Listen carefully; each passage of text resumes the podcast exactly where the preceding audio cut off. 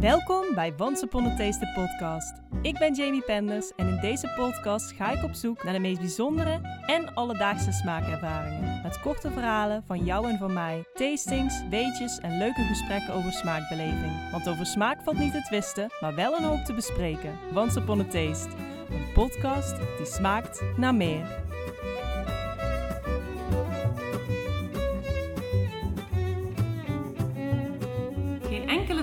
Voor haar honger naar exquisiete smaken. Als professional eater en writer voor grote namen zoals Elle, 24 Kitchen, AD en de Walt Disney Company verandert alles wat ze aanraakt in magazine material. Ze nam een culinaire sabbatical om zich volledig onder te dompelen in haar Spaanse culinaire temperament. Want Raquel Paraloiden brengt ons in het voorjaar van 2024 haar eerste kookboek, De Bijbel van de Spaanse Keuken. Vandaag is er een heerlijke thuiswedstrijd. Lekker op mijn fietsje in het Eindhovense. Dankjewel Raquel dat je tijd hebt vrij kunnen maken. Aangezien je elleboog diep in de kooksessie zit voor de Bijbel van de Spaanse keuken. Ja. Tell me about it. Oh god, ja. Ja, nou, fijn dat jij tijd hebt om het weer even aan te schuiven. In mijn rommelige keuken. All good, all good. Nou ja, dit interview voorbereiden was een real culinary treat. Echt niet normaal. Ik weet niet of je elke dag eet op restaurantniveau, maar eh, alleen al die beelden geven een culinair orgasme. Ik kan jouw foodfeed niet anders beschrijven dan sexy. Ja. Ja, om jou wat beter te leren kennen, Raquel, heb je gevraagd om een voorwerp, ingrediënt, gerecht of recept uit te kiezen waar je bijzondere smaakherinneringen aan hebt. Wat heb je uitgekozen en welk verhaal zit daarachter? Ja, dit vond ik dus heel moeilijk. Ehm, hier heb ik best wel lang over nagedacht. En in eerste instantie dacht ik van oké, misschien moet ik paprika poeder kiezen. Want dat is iets waar ik nu elke dag mee kook. Maar dat komt echt mijn poriën uit. dus ik wilde dat eigenlijk niet meer doen. En dat is ook zo gelinkt aan het boek. Terwijl, we hadden het net al even over dat het veel meer is dan alleen het kookboek. Dus ik heb mijn eerste koksmes, eh, waar ik net nog even mijn eten mee heb gesneden, heb ik op tafel gelegd. Ehm Santoku, Japans koksmes. En ehm, ja, ik denk dat het voor mij een belangrijk mes is. Omdat ik denk dat toen ik dit ding aan heb geschaft, dat is een beetje het start van mijn professionele eh kookervaring. want daarvoor schreef ik eigenlijk altijd. En ja, dat mes was een beetje het startschot van ook echt zelf het gaan koken en die recepten gaan beschrijven. Maar ook, en dat is misschien ook wel een diepere laag, ik heb hem gekregen van mijn moeder en mijn stiefvader. En eh, mijn stiefvader is helaas anderhalf jaar geleden overleden. Ehm, dus dat mes heeft ook een hele, nou dat, ja, dat heeft een hele mooie betekenis voor mij. Dus dat is iets, een heel mooi cadeau geweest wat, eh, ja, wat ik natuurlijk gewoon de rest van mijn leven bij me draag. En hij heeft ook wel veel invloed op mij gehad eh, als het aankomt op koken. Ondanks dat hij Indonesisch eh, was en niet Spaans. Maar ja, dus dit is mijn voorwerp. Ja, want in hoeverre, wat heb je van hem geleerd op het gebied van smaak? Ehm, ik denk vooral het stukje proeven. Wat grappig, want ik had het met mijn moeder over een paar geleden. En hij kookte eigenlijk helemaal niet zoveel. Maar wat hij dan kookt, heeft blijkbaar toch best wel wat indruk gemaakt. Maar ook toen ik net was begonnen met het eh, schrijven van recepten... eh, was hij eigenlijk altijd degene die het proefde. En hij kon ook heel goed smaken differentiëren. Dus dan zei hij van, oh, je mist, nou ja, venkelzaad. Of je mist dit of dat. Of ik zou iets meer van dit toevoegen. Of ik zou dat weglaten. En ehm, dat is toch denk ik wel echt proeven op een hoger niveau. Want heel veel mensen kunnen zeggen van, oh, ik vind iets lekker of ik vind iets niet lekker. En hij kon echt heel goed die smaken onderscheiden. Dus eh, ik denk dat hij me daar ook heel erg mee heeft geholpen. Dus gewoon het leren proeven en ja, wat eet je nou eigenlijk? In plaats van, oh, het ziet er mooi uit en het is wel lekker. Hm, ja, wat betekent dat lekker? Ja, precies. Dat is ook nog wel een ding inderdaad. Ja, dus ehm, ja, heeft in dat opzicht heeft wel echt veel voor mij betekend. En ook wel, ehm, wij zijn best wel... Ik, ik moest laatst moest ik een intro over mezelf schrijven. En dan wil je natuurlijk een heel mooi intro schrijven van... Oh, en ik ben opgegroeid met de geur van vers gebakken brood in mijn keuken. Of, nou ja, insert whatever recept jouw familie maakt. Maar ik ben helemaal niet zo culinair door mijn familie daarin meegenomen. En wij zijn gewoon, ik denk nog wel de knorpakjes eh cultuur. Dus eh, saus kwam, kwam, kwam voort uit poeder en Ja, eh, carbonades in de pan. En ook heel Nederlands met dan wel wat Spaanse invloeden van mijn vader. Ehm, maar Boudewijn, dus mijn, mijn, mijn stiefvader, ja, die kwam echt met eh, Surinaamse keuken en Indonesische keuken en dingen waar ik nog nooit van had gehoord. en ja, misschien, jij weet ik een beetje wegwijs in, in Eindhoven, maar hij ging dan naar de Kruisstraat waar alle toko's zitten. En eh, ja, dat was echt heel nieuw voor ons. Voor ons allemaal. En eerst was het echt van, oh, wat is dit? Waarom zijn deze pannenkoeken groen? En eh, toen dacht ze van, oh, is toch wel lekker, die pandan pannenkoeken met uh, gula jawa en ko ge ge gebakken kokos erin. Dus uh, ook op ja, culinair vlak ook wel heel erg onze wereld verbreed. En eh, misschien wel het startschot van, oh, er is meer dan carbonades in de pan en gehaktballen. Die overigens heel lekker zijn van mijn moeder, maar ja, groot verschil.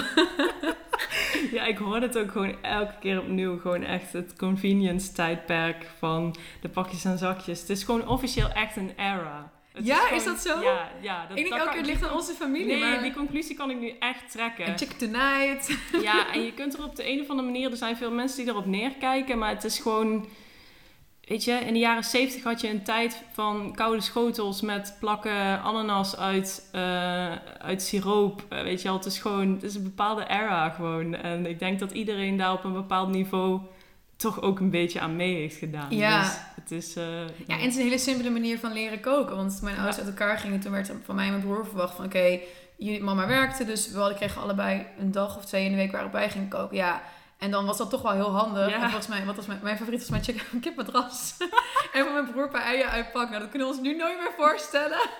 Helemaal niet met het kookboek. Maar zo is het wel ooit gestart, het koken voor ons. Ja, inderdaad. Dus. Ik herken het ook. Op mijn negende ben ik begonnen met koken. En dat was puur uit eigen belang. Want mijn moeder die werkte inderdaad ook. En ik had op een gegeven moment gewoon honger. En ik dacht, als ik nou zelf alvast begin... Dan is het eten daar gewoon klaar. Anders dan moet, moet Oh, ze eerst thuiskomen. En... Ja. En dan had mijn moeder inderdaad door de telefoon legde ze dan uit van... uh, ja, ik denk dat spaghetti wel moet lukken. En dan, weet je wel, er staat een potje met saus. En grappig.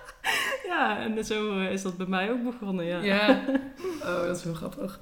Nou, Ja. leuk om te horen dat het een universeel ding is. ja, ja, ja, zeker. In Nederland in ieder geval. Dus uh, Ja. ja, en ik las in de Glamour, in een stukje wat ik op jouw Instagram-pagina zag uh, voorbij komen... dat voordat je als redacteur bij een foodredactie ging werken... inmiddels alweer vier jaar geleden, denk ik... Ja. Jouw receptenrepertoire bestond uit zo'n 10 recepten en Uber Eats. Ja. En vanaf toen besloot je om te leren koken. Kun je iets meer vertellen over hoe jouw food journey is begonnen en waar het jou heeft gebracht? Ehm, ja, nou ja, misschien wel een beetje hetzelfde van... eh, Ik zou willen dat er hier een heel mooi verhaal aan vast kon knopen. Maar dat is helemaal niet zo. Het is niet vanuit de familie meegedragen. Ik denk dat het een samenloop van omstandigheden is geweest bij mij. Dus ik bedoel, ik hield van koken in de zin van ik hield van eten. En ik moet elke dag eten. Dus dan kook je wat je lekker vindt. En ik denk wel dat ik gevoel had voor koken, maar nooit er- daarvan gedacht van, oh, daar wil ik iets mee doen. Ehm, en ik ben ooit begonnen met schrijven over interieur. Dat was bij All Decoration. Ehm, en op dezelfde redactie zat L Eten. Dus dan krijg je alweer een stukje meer mee van eten. En dan leer je wat charcuterie is. En ja, dat waren voor mij echt woorden. Had ik geen flauw idee, joh.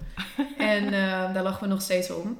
Eh, want eh, een van de, mijn stagebegeleiders daar, daar ben ik nog steeds heel close mee. Een hele goede vriendin van mij geworden. En zij heeft me ook in dat hele proces heel erg begeleid. Maar goed, dus ooit begonnen met interieur. En ehm, zij ging toen de tijd werken voor 24 Kitchen. En eh, ze zocht een, een online editor. En ik was natuurlijk goed in schrijven. Alleen ik had het nog nooit echt toegepast op eten.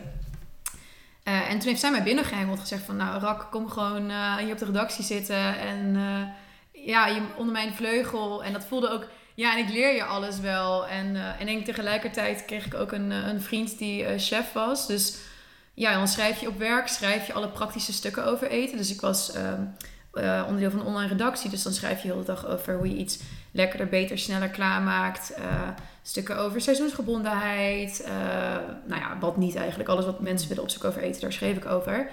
En dan thuis, en dan gingen ging ik bij mijn ex-vriend, gingen we hele zalm fileren of eh sliptong bakken in de pan. Ja, dat zijn dingen die ik niet, die, waarvan ik geen flauw idee had hoe die moesten. Maar ook leren messen slijpen en ook veel geleerd over Japanse messen. En ja, dus het was een hele grappige samenwerking tussen eh, op werk het, het schrijven weet je, en dan thuis het, het, het echt in de praktijk brengen.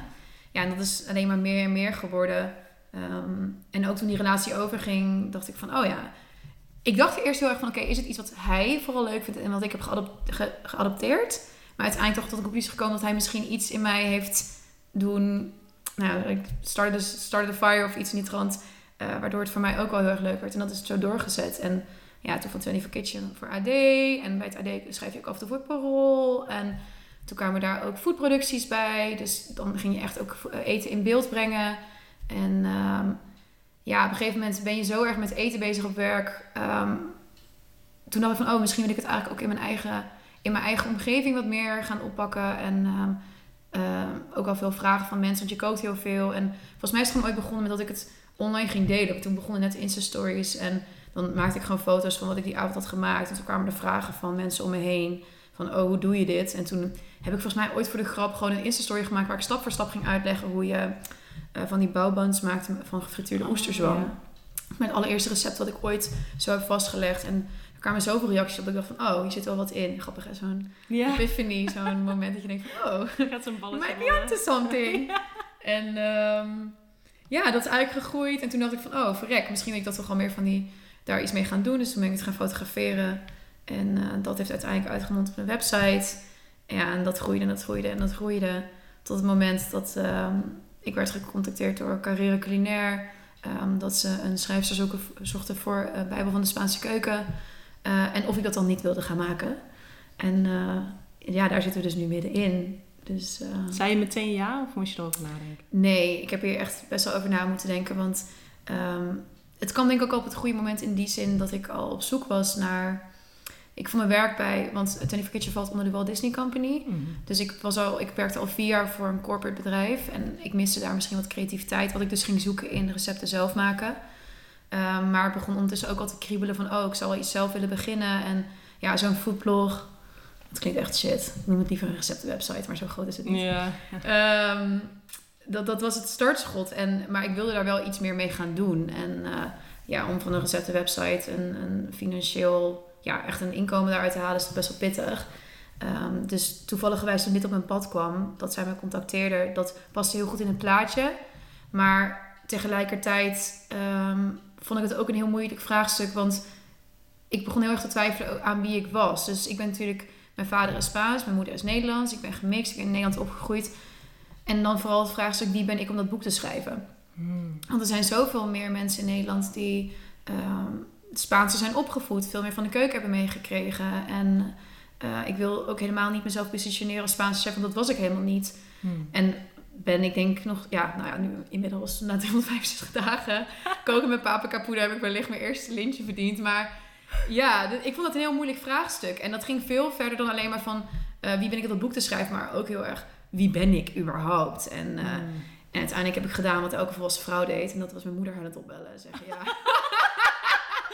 maar joh, ik ben gecontacteerd door de uitgever. En ze vragen of ik het boek wil schrijven. Moet ik dat doen? En eh, zij werd heel emotioneel van... eh, want zij is dus de Nederlandse kant van mij. Hmm. Maar zij had echt zoiets van... Raquel, dit is het perfecte moment om eindelijk die diepduif te maken in wie jij bent als persoon. Want ik denk dat heel veel gemixte kinderen... en die heb je er steeds meer Ja. heel erg opgroeien met ja, waar hoor ik nu eigenlijk? Want ik ben eh, in mijn taal, mijn Spaans is niet goed genoeg om me volledig Spaans te voelen. Dus in Spanje, ik, ik bedoel, ik heb een Spaanse naam en ik zie er Spaans uit, dus ik, daar pas ik heel goed. Hmm. Maar op het moment dat ik mijn mond open trek, heeft iedereen vraagtekens. Ja. Ja? En eh dan moet ik wel zeggen dat mijn, dat mijn accent wel heel erg goed is. Eh, maar er komt een moment dat mijn grammatica niet helemaal meer lekker loopt. En dan is het heel raar als jij tegen een taxichauffeur eerst je eerste vijf zinnen gewoon praktisch super Spaans zegt. En op een gegeven moment kom je er niet meer uit. Dan denkt hij ook van wat is er aan de hand. Maar in Nederland ook al, ja, je bent ook weer niet helemaal Nederlands. Want je draagt geen Nederlandse naam. En je ziet er niet heel Nederlands uit. En ja, dit boek was, ligt precies op die scheidingslijn. En dat al die vraagstukken waar ik al, nou toen, toen ik ben nu 28, toen 27 jaar mee rondliep, die vielen allemaal samen. En eh, uiteindelijk eh, ook al door mijn moeder zei van dit moet je gewoon gaan aanpakken. Teruggaan naar de uitgever en gezegd van nou ik wil dit boek schrijven op één voorwaarde. En dat is we gaan mezelf niet positioneren als een eh, Spaanse chef die alles weet van de keuken. Maar ik ga de lezer meenemen in mijn zoektocht naar mijn afkomst. Eén Mm. recept en nog een recept en nog een recept. En dat wordt het verhaal. Dus Oh, dat is zo bijzonder. ja, en ik dacht eerst van, oh, dan, dat zij dacht van, ja, dit, dit gaan we niet doen, weet je wel. Een kookboek schrijven, dan moet jij een autoriteit zijn. En, eh, maar ze, ze reageerde daar heel goed op. Van, oh, wat bijzonder en wat mooi. En eigenlijk ook een hele toffe insteek. Want ja, uiteindelijk er zit... Ik vind alsnog het eten dat ik maak heel lekker. Alleen het kost me misschien wat meer moeite om dat te krijgen zoals ik het precies wil. Omdat je niet bij op bent gegroeid. Maar Hmm. Ik durf nu wel te zeggen, hoe kritisch ik op mezelf ben, dat het boek wel echt een hele mooie kijk op de keuken geeft. En het heeft mij zoveel bijgebracht over mijzelf als persoon. Dus eh, lang verhaal kort? Nee, totaal niet eerst een eh, ja, dit ga ik doen. Vooral twijfel van, moet ik het wel moeten doen, moet ik het wel doen? En uiteindelijk een manier gevonden waarop het voor mij eh, goed genoeg voelde. Van oké, op deze manier wil ik het wel in de markt brengen. Of zo wil ik mezelf ook wel positioneren. Oh, maar je wordt dus ook met het boek straks helemaal meegenomen in, in Ja. jouw verhaal. Ja, want ehm, dat was ook wel heel mooi. Want je, ehm, eh, je, je groeit op en heel veel dingen zijn normaal voor je. Terwijl dit boek heeft me heel erg aan het denken gezet van... oh, dit is eigenlijk helemaal niet zo normaal. Bewijs van, wij, ehm, mijn, de familie van mijn vader woont in Noord-Spanje. Het dorpje heet Santolalia de Cabrera. Je kunt het bijna niet op de kaart vinden. Er wonen twintig mensen. Eh, iedereen is daar herder. En ik denk dat opgeteld er wellicht nog tientallen in dat dorp zijn... omdat iedereen daar niet naar de tandarts gaat. Maar dat is wel waar wij vandaan komen. En eh, wij spendeerden, ik, ik denk zeker tot mijn achtste of negende, elke zomer daar drie weken met iedereen in huis. Dat is gewoon veertien man sterk. eh, met al mijn ooms en tantes en neefjes en nichtjes. En toen pas realiseerde ik me van dat je heel erg onderzoek gaat doen naar waar je vandaan komt ook. En aan de hand van eten wel van, oh ja, je gaat weer dingen herinneren. Van eh, aan het begin van het dorp heb je een hele grote moerbeienboom. En eh, dat we dan met z'n allen in die boom gingen klimmen. En moerbijen geven heel veel kleur af. Dus dat je dan terugkomt met dat je witte shirt rood is. En dat gaat er ook bijna niet uit. En je handen nog rood. En- Tie-dye. ja, ja oldschool tie-dye eigenlijk. Dus eh, voordat het nog bestond. En er zijn heel veel dingetjes die ik me weer herinnerde aan de hand van dit boek. Dus ik, ben, ik was bezig met een recept voor pulpo a la gallega. Dus een, een recept met eh, octopus uit Galicië. En dat is eigenlijk gewoon gekookt eh, octopus in plakken gesneden met aardappelen en, of course, paprika poeder. Ehm, maar eh, vrienden van mijn ouders, ehm, zij, wonen in, zij woonden in Doetinchem. En zij zijn ook Spaans. Dus Spanjaarden onderling hebben, zijn best wel nauw met elkaar verbonden in Nederland. Je hebt hier in Eindhoven een hele grote Spaanse gemeenschap. Maar die zitten ook op verschillende plekken in Nederland. Eigenlijk de plekken waar vroeger de gastarbeiders werkten. Dus hier in Eindhoven is gekoppeld aan Philips.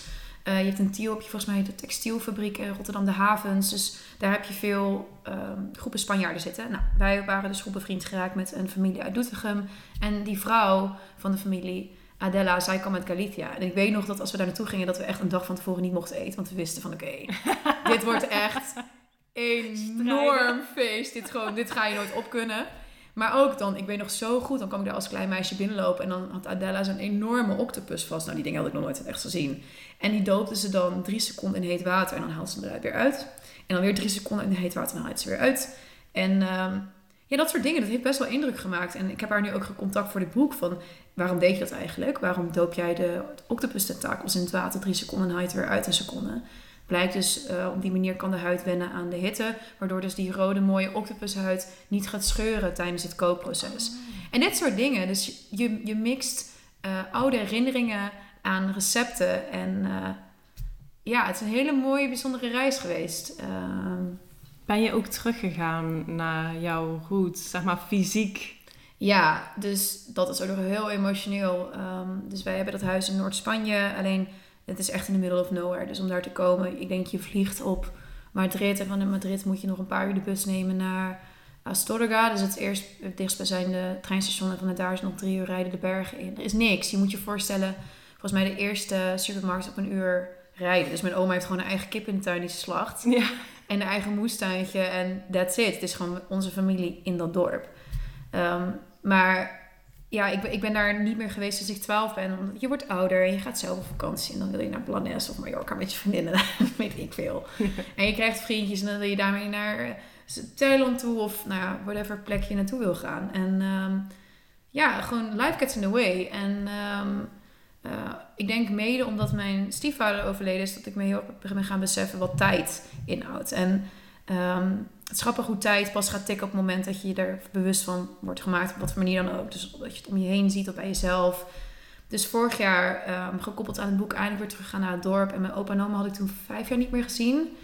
En eh, ik merkte aan heel mijn lichaam toen we dat dorp inreden dat ik kreeg hartkloppingen. En ja, het was heel emotioneel voor mij. Want het is zoveel meer dan gewoon een dorp. Ik ben denk ik me nergens ter wereld me zo bewust van mijn afkomst als daar. De grond, alsof, ja, we, het is zo klein. Dus je, het is, die grond is van ons. Dat is onze plek. Daar zijn wij geboren, daar liggen mijn wortels. En dat is ons, ons van heilige oord. Zo voelde het voor mij.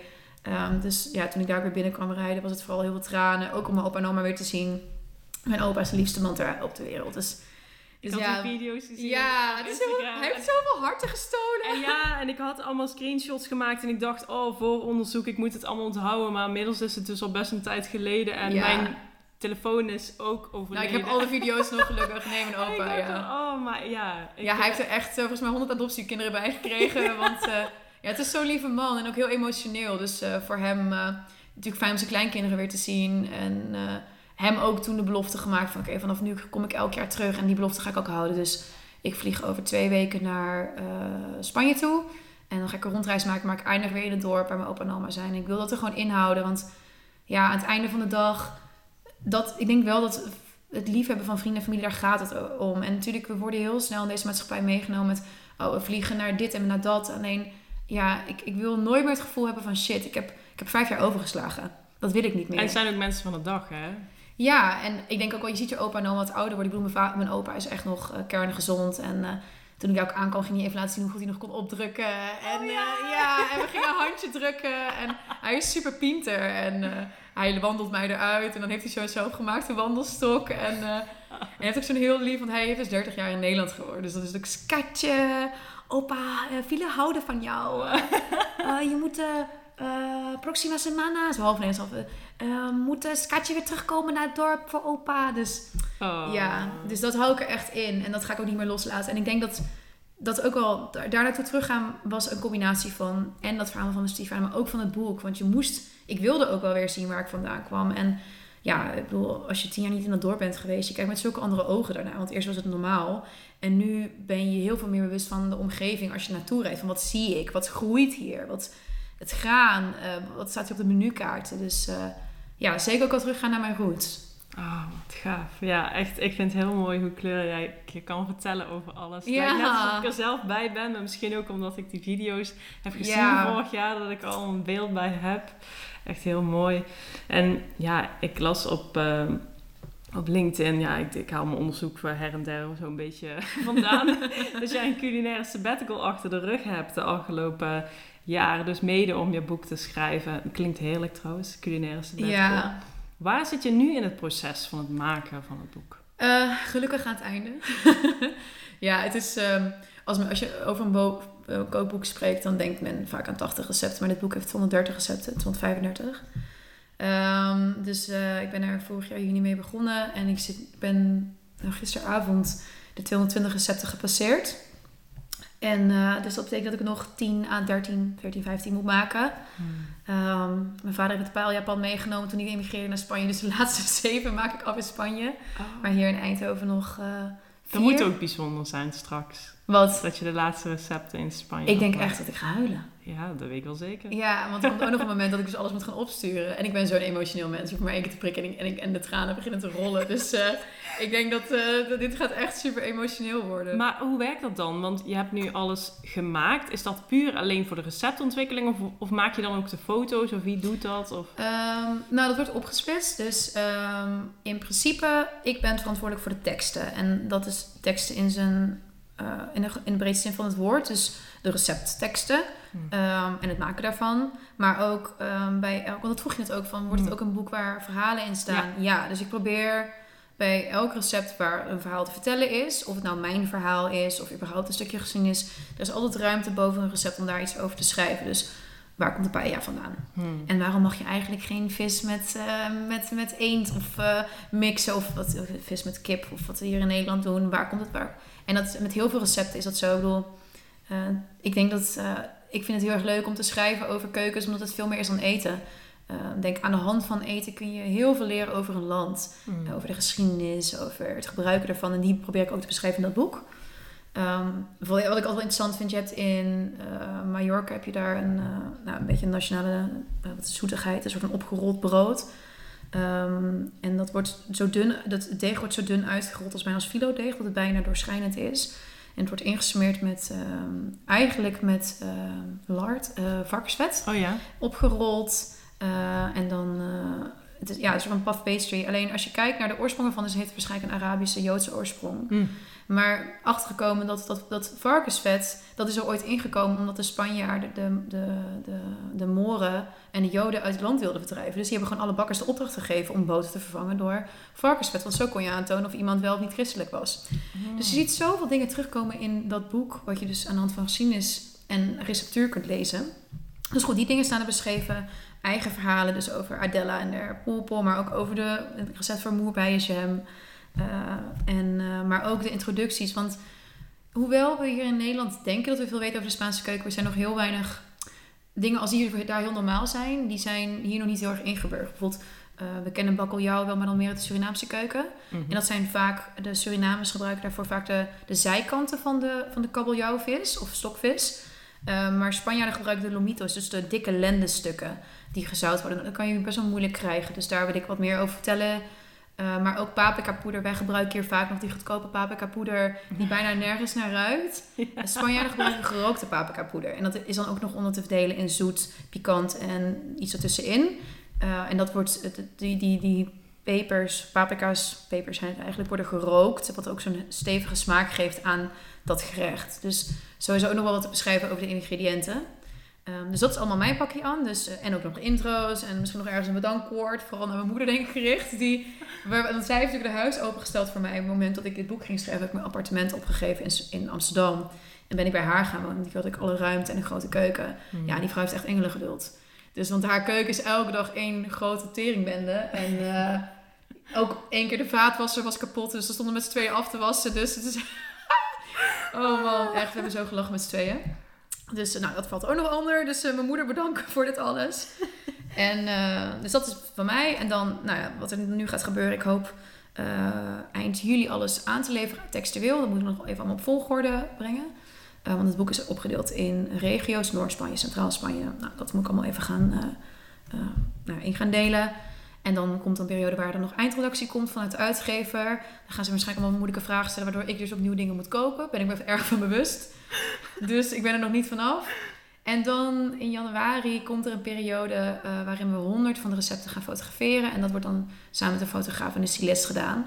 En uh, dan ben ik daar aanwezig om de recepten te koken. En dan wordt het denk ik een team van drie. Mm.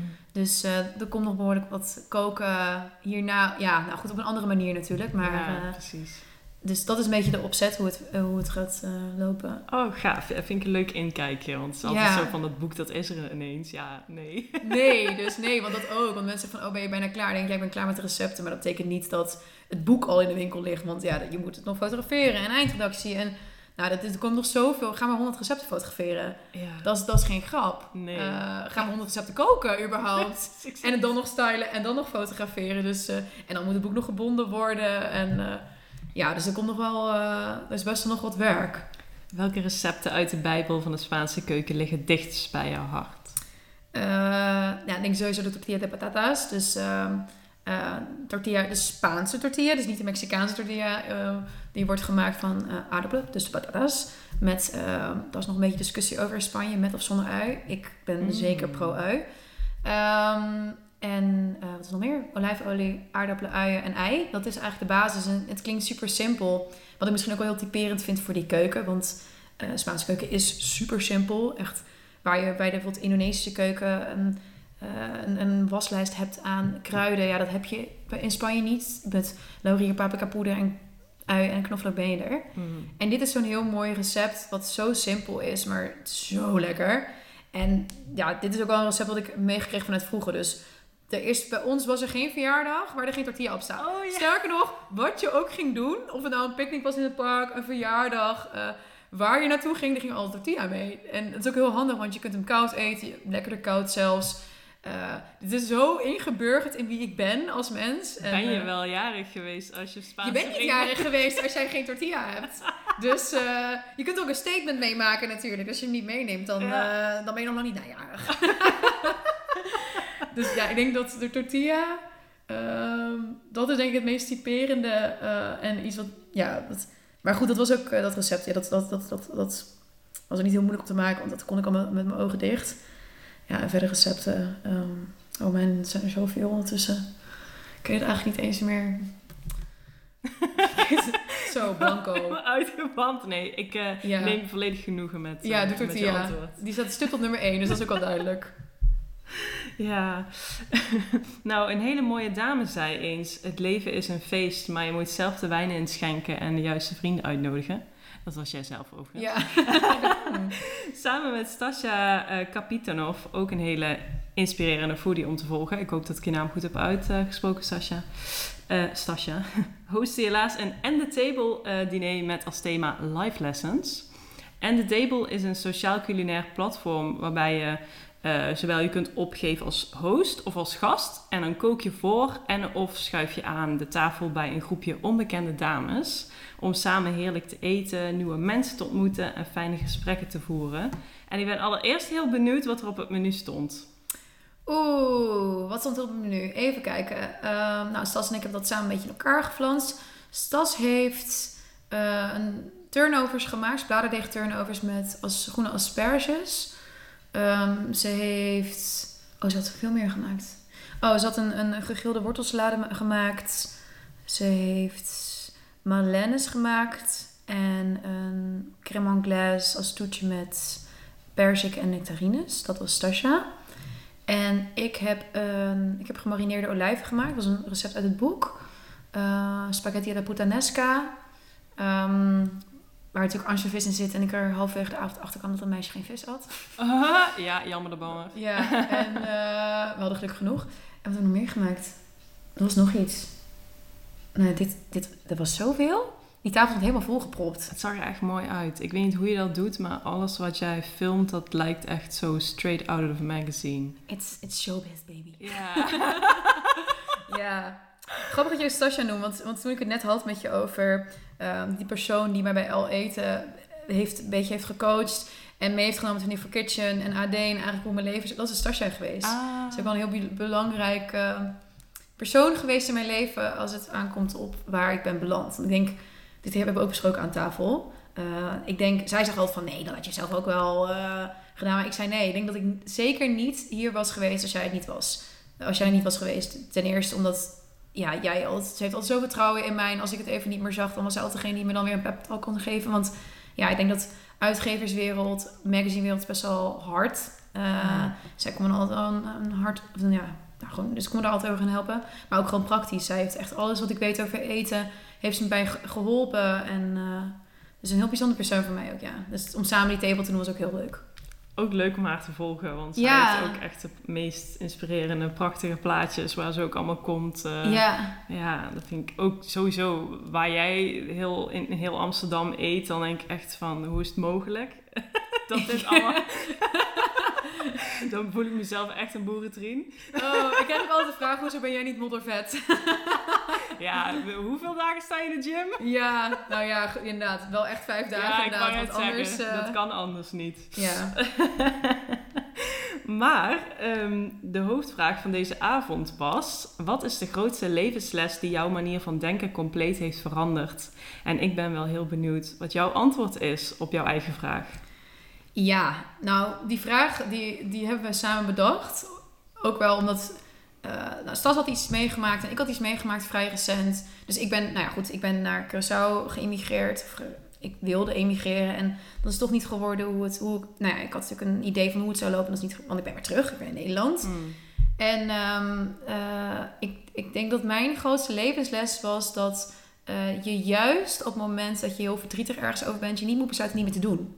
Mm. want het is denk ik heel makkelijk nou, praktisch gezien voor mij heel makkelijk te zeggen van... oh, ik ga nooit meer voor de liefde emigreren. Want dat is natuurlijk waar je, waar je verdrietig en zuur over bent. Want ja, je, je geeft je baan op en je verhuist. En dat is allemaal veel... Ja, het is gewoon moeilijk. Je moet nieuwe vrienden mm. opbouwen. En uh, als het dan niet loopt zoals je wil... dan is het heel makkelijk om te zeggen van... ja, dit doe ik nooit meer. En, maar ik denk dat mijn levensles juist is om, om die zachtheid wel te behouden. En dat stukje blijven dromen. En je kan het op allerlei dingen implementeren. Ik kan het ook op werk implementeren als iets niet lukt, kun je natuurlijk zeggen van oké, dit doe ik nooit meer, want het deed heel erg pijn om afgewezen te worden voor een baan of nou goed, of in vriendschap of met alles.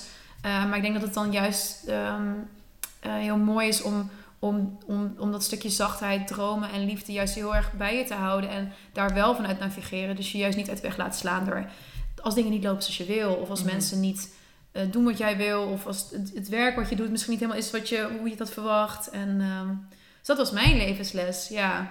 Ja, dat brengt uiteindelijk ook uiteindelijk wel dat onverwachte brengt ook altijd iets moois wat je niet ingecalculeerd hebt. 100%. Ik denk dat het heel makkelijk was om terug te komen in Nederland en denken, oh het is verpest, maar dat was helemaal niet. Want ik heb zoveel geleerd over mezelf en de ervaring daar überhaupt. En ja, Curaçao of niet, maar niet uit waar je naartoe gaat in de wereld. Gewoon ergens opnieuw beginnen. Ehm, nieuwe vrienden, nieuw werk, nieuw alles, nieuwe, nieuwe taal. Eh, ik denk dat dat, dat, dat brengt je zoveel. Hmm. Ehm, dus nee, ja, ik denk dat ik het... Nu kan ik het ook wel eens heel mooi zien. Maar ik was natuurlijk de eerste paar weken toen ik terugkwam in Nederland. En het was hier uh, het miezerde terwijl ik van vijf naar de klus ga. Nou echt, ik, ik kon wel ja, Nou, ik heb gejankt. Weer. Ja. Tranen met taten. Tranen met taten. Ja, want ik weet dat ik op de A2 terug van uh, Schiphol naar Eindhoven reed door mijn moeder opgehaald. Ik had natuurlijk geen appartement meer. Dus nou, dat is natuurlijk ook wel echt dat je denkt van shit, ik ben 28 terug naar mijn moeder. Die moeders, hè? Ah, mijn oh. moeder, ja. Die had eigenlijk naast moeten zitten, die kan nog veel meer vertellen. Mm. Uh, toen dacht ik wel echt, wat doe ik? Dit wil ik helemaal niet. En ik voelde me heel zielig, maar nu denk ik, nou, het leven is eigenlijk best wel leuk weer. ja, ik vind het ook zo mooi dat jullie dit onderwerp hebben gekozen. Want ja, van de buitenkant, vanaf social media kanalen, mooie foto's, toffe banen, reizen, kan het soms allemaal lijken als een dik voor elkaar show. Maar ik denk dat iedereen eind 20 kan be beamen dat coming of age echt een redelijke wild ride is. En dat we daarin zoveel van elkaar kunnen leren als we het over deze ervaringen meer met elkaar zouden delen. Enorm. Ja, toch? Ja, ik heb zelf ook echt het gevoel dat ik, ja, dat ik persoonlijk ook echt een reality check nodig had om te realiseren dat ja, dat beeld dat ik van mezelf had gecreëerd ook hem, ja, je maakt een soort van plaatje, weet je wel, vanaf je gaat, eh, weet je wel, basisschool, middelbare school, studeren, nou ja, als dat op je pad komt, als, als je dat kunt. Ja, dat het beeld helemaal niet klopte met de werkelijkheid. Dat je jezelf zoveel dingen kan wijsmaken over wie je bent of hoe het hoort ja, ik moest mijn hoofdtafel echt een paar keer uh, goed aan dezelfde steen stoten. Is dat jouw grootste levensles dan? Ja, ja ik dacht ik zal de mijne ook delen. Ja, ik ben erg benieuwd. ja, ja. ja, Ik, ik dacht altijd dat ik een hoop niet zou kunnen of dat ik niet goed genoeg was. Omdat ik eigenlijk altijd alles aan deed om te voldoen aan een plaatje waar ik helemaal niet in paste. En in principe laat je vis ook niet in de boom klimmen. Uh, maar ik vroeg dat wel constant van mezelf ja, en pas toen ik ging omarmen wie ik ben en mijn leven daarop ben gaan inrichten. En dat is heel spannend, want ja, eigenlijk vind je ego daar van alles van. Van ja, nee, uh, ik moet uh, een fulltime baan hebben. En uh, daar moet een bepaald salaris aan hangen. En um, ja, gewoon eigenlijk de dingen die ik eigenlijk diep in mijn hart heel graag wilde, die, die stond ik mezelf gewoon niet toe. En ja, aanvankelijk kostte het me dus heel erg veel energie om echt mezelf te zijn. Maar ja, zodra ik mijn masker een beetje liet vallen, realiseerde ik me ook dat ehm, ja, vechten tegen jezelf eigenlijk pas de allermeeste energie kost. Bijzonder hoe het soms moeilijker is om jezelf te zijn in eerste instantie dan uh, leven in het beeld wat je van jezelf hebt gecreëerd. Ja, ik, ik merkte dat het gewoon mij veel makkelijker afging om ja, het aller, de ene laatste sollicitatiegesprek die ik heb gehad, een aantal maanden terug voordat ik mijn nieuwe baan kreeg, waar ik hartstikke blij mee ben Ehm, toen pas merkte ik voor de allereerste keer in welke rol ik kan schieten. Ehm, waarin ik precies weet wat mensen van me willen horen en willen zien. En dan weet ik precies hoe ik in de smaak moet vallen. Maar dan zijn mensen helemaal lyrisch over iets wat ik niet ben. Mhm. En dat voelt heel leeg. Je bent een spelletje aan het spelen. Ja, en ik dacht van ja, wie heb je hier nou eigenlijk mee? Je krijgt wel dan precies wat je wil misschien, maar achteraf kom je erachter dat je dat helemaal niet wilde. Ja. Dat je dan zo'n bord voor je kop kan hebben, dat je precies weet hoe je iets voor elkaar kan krijgen, maar dat daar helemaal niet het goud ligt verscholen. Ja. Ja, en ja, mijn vriend die zei al ja, ik vroeg me af waarom je in hemelsnaam daar naartoe ging, naar dat bedrijf en dat werk. En, hij ja, al door. Maar hij had zoiets van ja, ik uh, ga jou niet meer waarschuwen, want dan krijg je een grote bek en uh, weet je wel, zo'n draak. Ja, precies. Terwijl hij had zoiets van ik weet toch allemaal hoe dit gaat uitlopen. Pick your battles, dacht hij. Ja, en diezelfde dag heb ik, um, moest ik ineens denken aan een... Uh, um, ja, aan een vacature die mijn moeder me had doorgestuurd. Alleen die had ik een beetje links laten liggen. Ik dacht, ja, ik ben met andere dingen bezig. En ik las die vacature en ik, ik dacht van ja, dit vind ik allemaal, dit is helemaal precies wat ik wil. En toen onderaan de vacaturetekst stond uh, de naam van een contactpersoon van een dame die mij 13 jaar geleden ook heeft aangenomen bij mijn allereerste bijbaantje. Op een plek waar ik het super erg naar mijn zin Dit had zo moeten zijn, hè? Dat Precies, snap je. ja, ik geloof daar heel erg in. En toen dacht ik echt van ja, en ik, ik, ik ben daar, dat was twee dagen daarna zou de vacature sluiten. En ja, dat weekend erop zouden ze, ja, zou, zouden ze laten horen uh, of ik uitgenodigd was. Nou, ik was uitgenodigd, ik ben er op gesprek geweest. En ze belden twee uur daarna al. Ze zeiden ja, we wisten het eigenlijk al toen we je brief hadden gelezen. Maar het was meer voor de vorm. Je nog even laten zweten. ja, en dat was voor mij wel echt inderdaad de levensles van... Ja, soms moet je inderdaad best wel een aantal keren je stoot aan dezelfde steen... zodat dat bord voor je kop gaat breken. Mhm. Ja, en ook wat jij zegt van ja, je kunt wel heel veel waarde hechten aan bijvoorbeeld... ik- heb een hoop andere baantjes van tevoren gehad. eh, in de patisserie, in de keuken, weet je, als chef. Eh, tot het moment dat ik op een gegeven moment uitgenodigd was in het buitenland om ergens te komen koken. En ik daar echt compleet door de mand viel.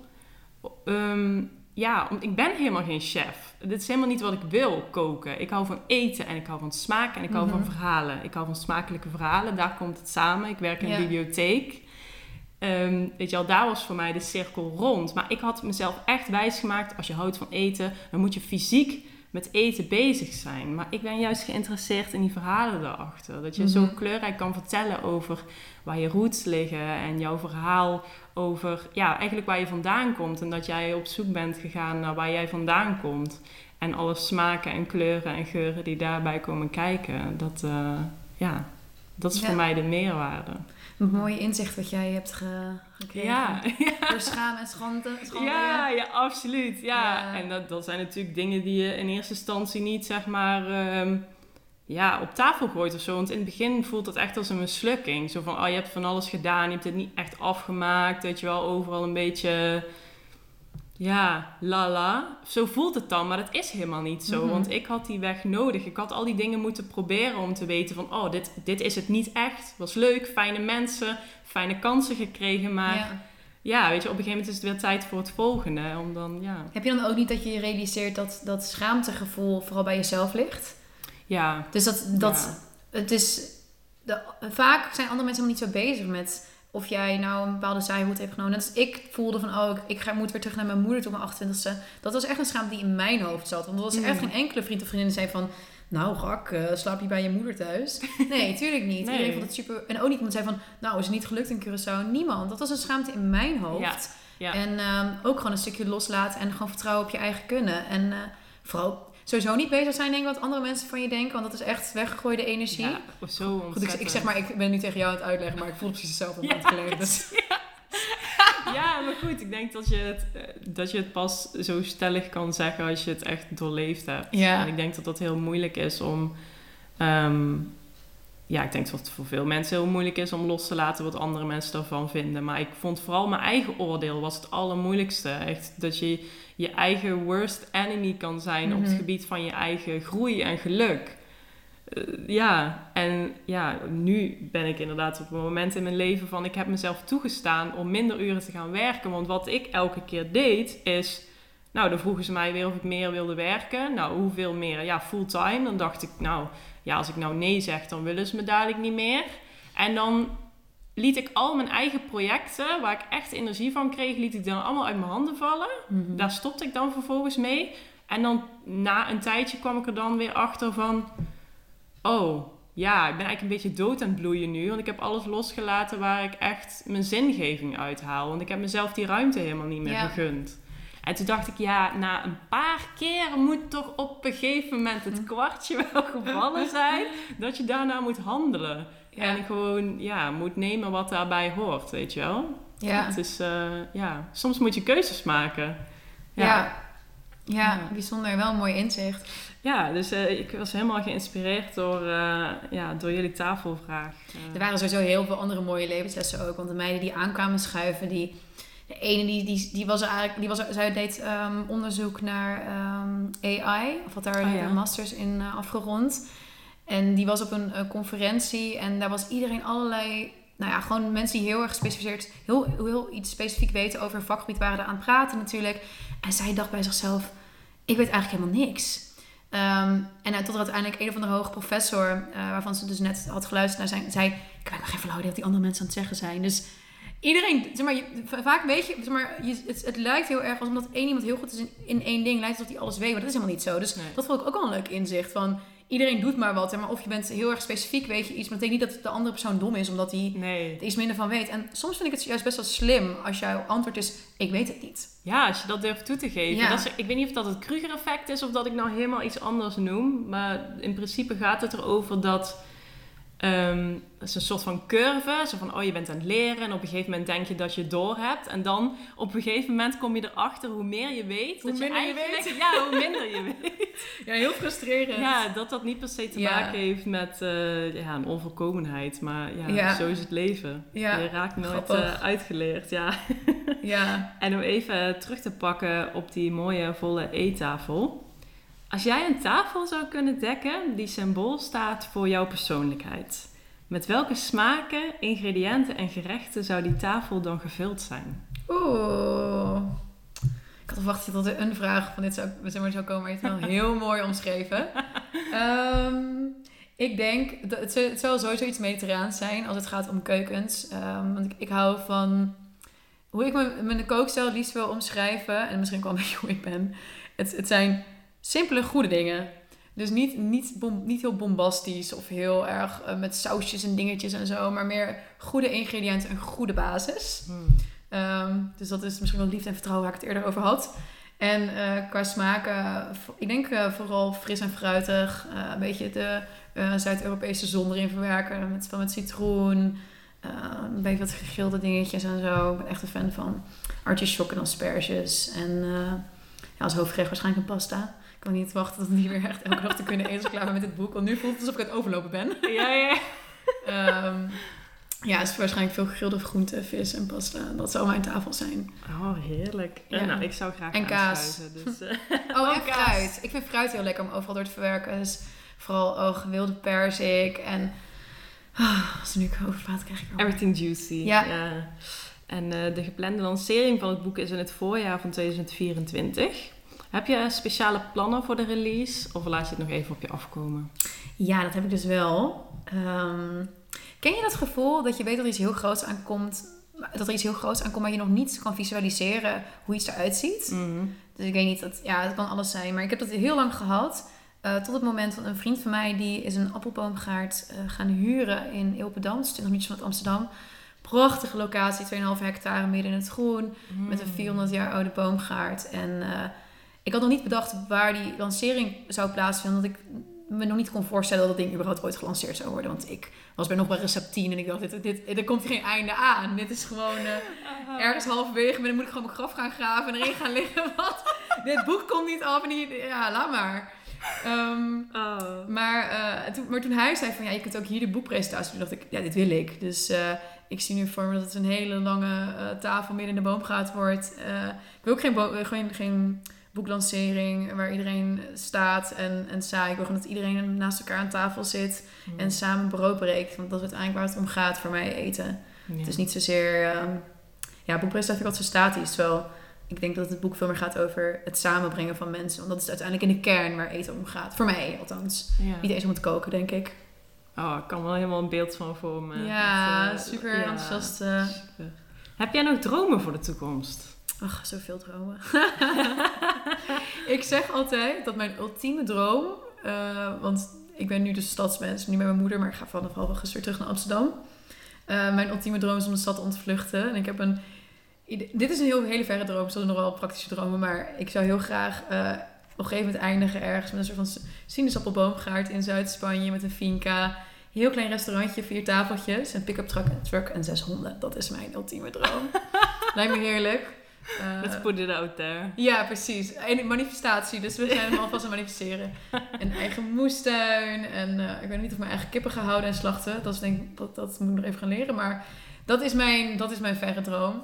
Ja, en praktisch... ehm, eh, ik, ik zei altijd van, kijk, ik wil nooit mijn kookboek schrijven hierna. Maar nu dit kookboek bijna af is, begint het toch weer wat te kriebelen. Dus wellicht dat daar nog wel iets in zit. Ehm, lijkt me misschien ook leuk om weer met eten bezig te zijn, maar dan meer op videoproductieniveau. Wat ik wat eerder heb gedaan. Misschien ook zelf presenteren er een stukje in. Eh, ik denk wel dat eten het, het, het, het blijft. Hm. Uh, maar ik denk dat de vorm en het ge- gegoten zal gaan worden. Dat het, dat het nog kan wisselen. En misschien is dat ook wel wat ik het leukste vind. Ik vind het... Dit kookboek is, is, er- daar nu iets meer dan een jaar lang hetzelfde proces geweest. En dat is heel lang. Terwijl ik ben misschien meer iemand die van project naar project hopt. En dat kan alles zijn. Van een column schrijven tot het maken van een videoproductie. Dus ik denk dat ik ook vooral die afwisseling daarin wil houden. Hmm. Uh, door elke keer eten op een andere manier te implementeren. Maar ook uh, nu, omdat ja, je, je, brengt heel erg naar buiten dat je met eten bezig bent. Dus ook al aanvragen gekregen van restaurants die een menu uh, een keer een, naar een frisse winter wilden laten wijden. Oh, dat lijkt me ook wel leuk om te doen, want het is een heel kortstondig, leuk creatief project. Ja. Dus alles wat creatief met eten is um, en het vertellen van een verhaal erachter, um, dat lijkt me wel leuk om te doen. Ah, nice. Ik denk ook echt dat zo'n kookboek uh, zo'n project is waarvan je vooraf denkt van, oh nice, hier ga ik aan beginnen. En dan ga je het doen en dan denk je, oh lord, waar ben ik aan begonnen? En dan dit doe ik nooit meer. En dan denk je daarna toch van, oh ja, misschien toch wel leuk. En dan ga je hetzelfde proces weer door. Ja, precies. Echt zo stom. Ik werd ook geïnterviewd uh, een paar maanden geleden. En dat, me dat, dat, meisje vroeg mij van, ja, hoe vind je het schrijven? En dan zei ik heel erg verwacht een rooskleurig verhaal. Maar toen zat ik echt midden in die recepten. Dus ik was helemaal klaar mee. Dus ik zei tegen haar, ik maakte de vergelijking. Ik denk dat het een beetje is als een marathonrennen. Weet je, je werkt er naartoe. Je denkt, oh dat is leuk dat ga ik doen. En je bent helemaal enthousiast. Tijdens de rennen denk je echt, waar de fuck ben ik aan begonnen?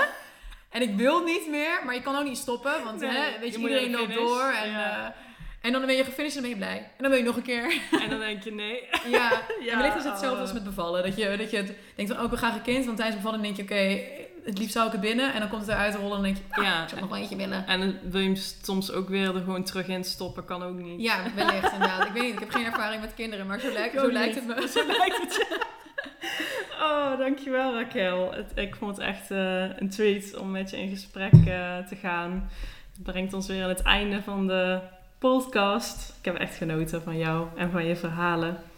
En voor alle culinaire hotspots, eh, volg Raquel at, eh, ja, hoe moet ik dit uitspreken? Ja, Erpaille Lorden. Ja, precies. Op Instagram.